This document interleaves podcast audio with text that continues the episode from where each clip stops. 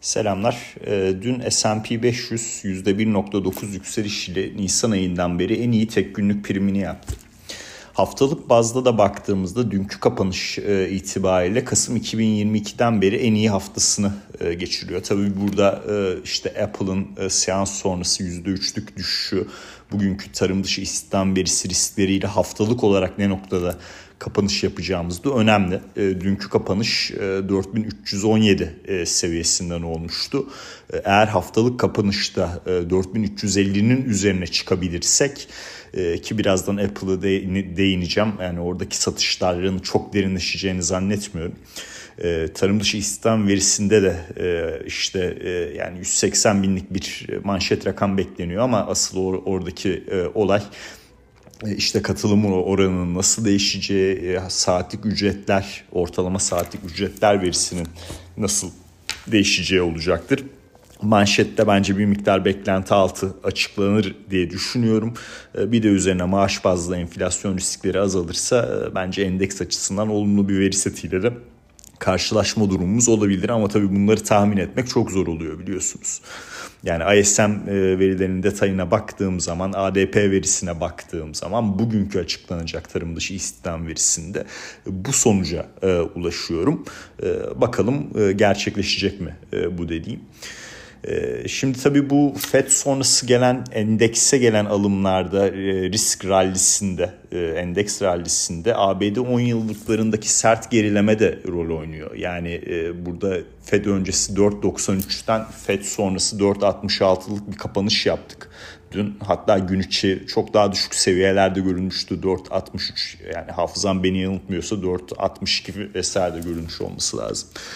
E, dolayısıyla bu daha yüksek daha uzun düşüncesi piyasada sorgulanıyor. Fiyatlamalar tarafında da e, yani o kadar da uzun olmayabilir e, noktası biraz öne çıkıyor herhalde. Daha yüksek tarafı tamam 3 aşağı 5 yukarı anladık. Hani işte Avrupa Merkez Bankası toplantısı, FED toplantısı, İngiltere Merkez Bankası toplantısı. Ee, yani burada e, çok e, heyecanlı değiller bir artış daha yapmak e, adına. Biraz daha politika faizini yukarı çekmek adına.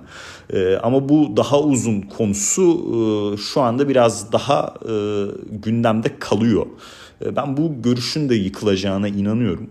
Ama yani orada daha fazla, daha yüksek olmamasını bağladıkları nokta ilk başta işte biz politika faizini uzun süre e, yüksek tutacağız. E, işte res, restrictive e, işte alanda e, tutacağız e, söylemi.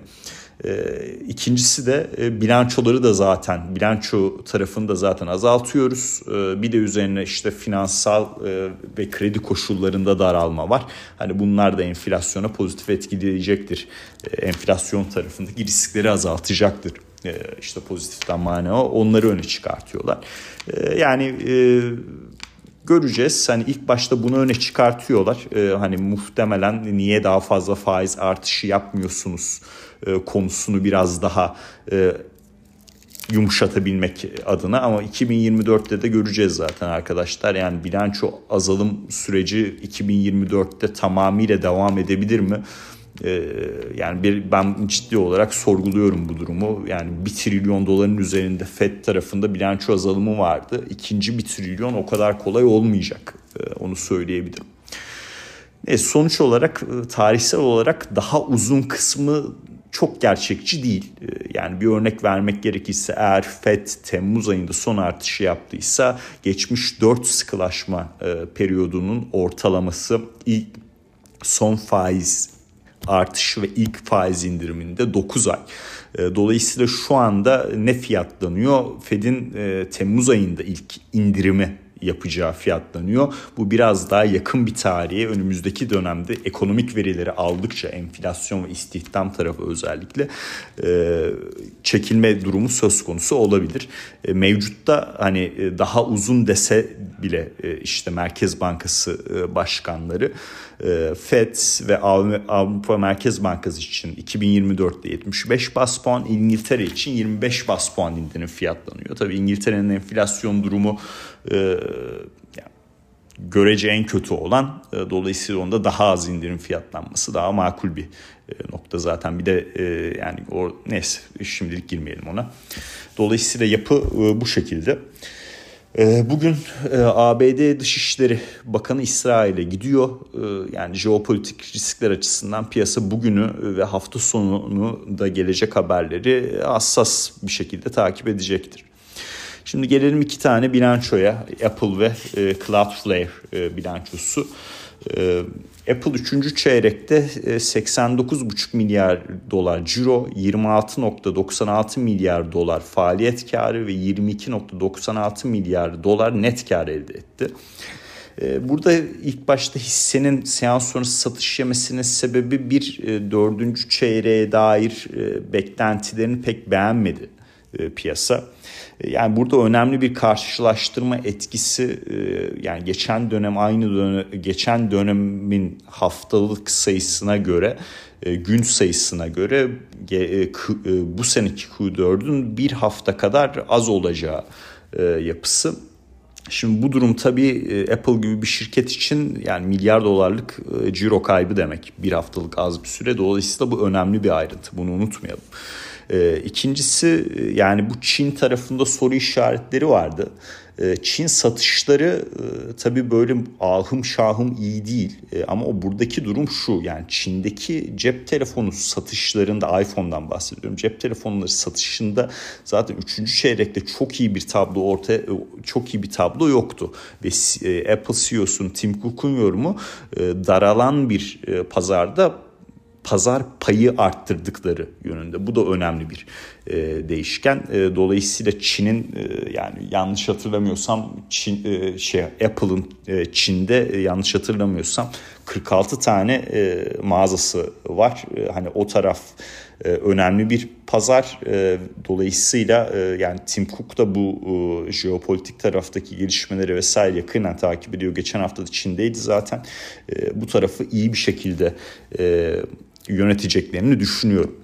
E, bu da e, Q3'teki ciro e, tarafı hani geçen sene aynı döneme göre e, eksi bir e, rakam oluşturdu. E, ciro büyümesi e, oluşturdu. Yanlış şey yapmıyorsam bakalım hemen e, tık tık tık tık net sales tarafı. Evet yani şöyle 90.14 90.15 milyar dolardan 89. 50 diyelim milyar dolara e, bir e, yıllık bazda bakıldığında değişim var. Burada FX tarafı önemli bir değişken. Yani eğer 3. E, çeyrekte biz güçlü dolar temasını görmeseydik bu geçen sene aynı döneme göre büyüme kaydedecekti. Şimdi bütün bunları bir pota içinde erittiğim zaman yani o seans sonrası %3'lük satışın çok kalıcı bir şekilde devam edeceğini zannetmiyorum. Ee, yani 12 aylık hedef fiyatlarda Morgan Stanley 210, JP Morgan 225 e, ve Citi 230 dolar e, öngörüyor. Ee, Mac ve iPad tarafı 3. çeyrekte güçsüzdü. iPhone ve hizmetler tarafı güçlüydü. Ee, hizmetler tarafının güçlü olması brüt karlılığa ve önümüzdeki dönemde net karlılık açısından e, yani cesaret verici bir şey. E, CFO'nun şöyle bir yorumu var. Yani e, tabii Apple'ın stratejisi ilk başta ürünleri sat daha sonra o, o ekosistem üzerinden hizmetlere odaklan e, şeklinde. E, ürünleri de zaten e, yani sata sata en sonunda e, şöyle bir bakıyorum işte şu sayfaya geçelim. 1 ee, milyar adet e, üyelik hizmetler tarafında subscription e, yaratılmış durumda arkadaşlar. 1 milyar adet. E, dolayısıyla hani bu App Store, e, Apple Care, iCloud, Payment e, Services, ödeme hizmetleri, video, e, Apple Müzik vesaire bunlar e, gerçekten e, öne çıkıyor e, ve karlılık tarafında da önemli bir etken. E, hizmetler tarafından e, bu çeyrek 22.3 milyar dolarlık ciro elde edilmiş. Yani S&P 500 şirketlerinin çeyreksel cirosunu koyun e, sadece Apple'ın hizmetler tarafından elde ettiği e, ciro yani birçok şirketin toplamından fazladır yani onu söyleyebilirim. E, CEO'nun açıklamalarında ya bu Apple Vision Pro önemli bir e, nokta gelecek sene başlarında satışa çıkacağını belirtiliyor. Yani biliyorsunuz zaten bu e, yani büyük teknoloji şirketlerini yapay zeka temasında değerlendirmeye çalışıyorum. Apple'da yapay zeka tarafında tüketici elektroniği ürünü e, kısmına bence hitap ediyor. O yüzden Apple Vision Pro e, tarafı da e, önemli olacaktır ve gelecek senenin başında satışa çıkıyor olması bence önemli bir değişken. İkinci konuşmak istediğim şirket Cloudflare.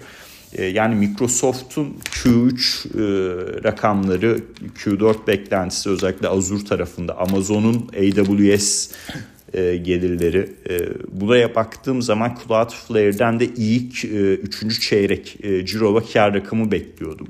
E, bu gerçekleşti. Piyasa beklentilerinin kıyasla ciro büyümesi yani ciro açıkladığı ciro rakamı ve karlılığı oldukça iyi. Yani yıllık bazda %34'lük bir ciro büyümesi söz konusu. E, yıllık 100 bin doların üzerinde ciro yatan müşteri sayısında da ciddi bir artış var.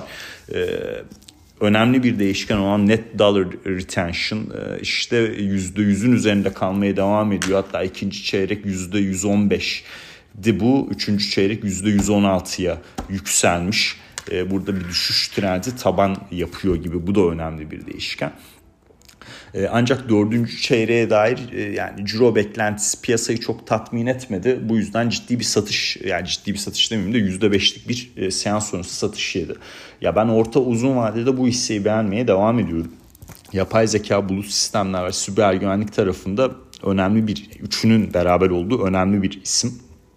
Work, Workers AI diye bir e, ürün geliştiriyor ve e, 2024'ün sonunda e, yani bu GPU'lardaki optimizasyon, inference optimization e, dediği nokta e, Cloudflare'in faaliyetlerinin olduğu her yerde devreye girebilecek bir e, yapıda. Bu tabii yani yapay zekanın ticarileşmesinde önümüzdeki yılların çok daha fazla heyecanlı olacağı karşımıza da çıkartıyor. Ee, dediğim gibi ben hisseyi beğenmeye devam ediyorum ee, ama bugün muhtemelen e, bu iki e, dördüncü çeyrek e, ciro beklentisinin piyasayı tatmin edememesi ilk başta bir satış yaratır çok ciddi satışların yani yoğunlaşacağını böyle derinleşeceğini düşünmüyorum. Ama bugün açısından hani olumlu Q3 rakamlarına rağmen bu beklenti nedeniyle olumsuz piyasadan olumsuz ayrışacaktır. Tarım dışı istihdam verisi sonrası eğer e, ayarlayabilirsek halim vaktim yerinde olursa, sağlığım yerinde olursa e, yani bu haftaki FED kararı, e, Apple bilançosu e, ve e, tarım dışı istihdam verisini e, beraber kapsayacak bir YouTube yayını e, çekmeyi planlıyoruz. Umarım e, başarırız ve bunu sizlerle buluştururuz. Herkese iyi günler dilerim.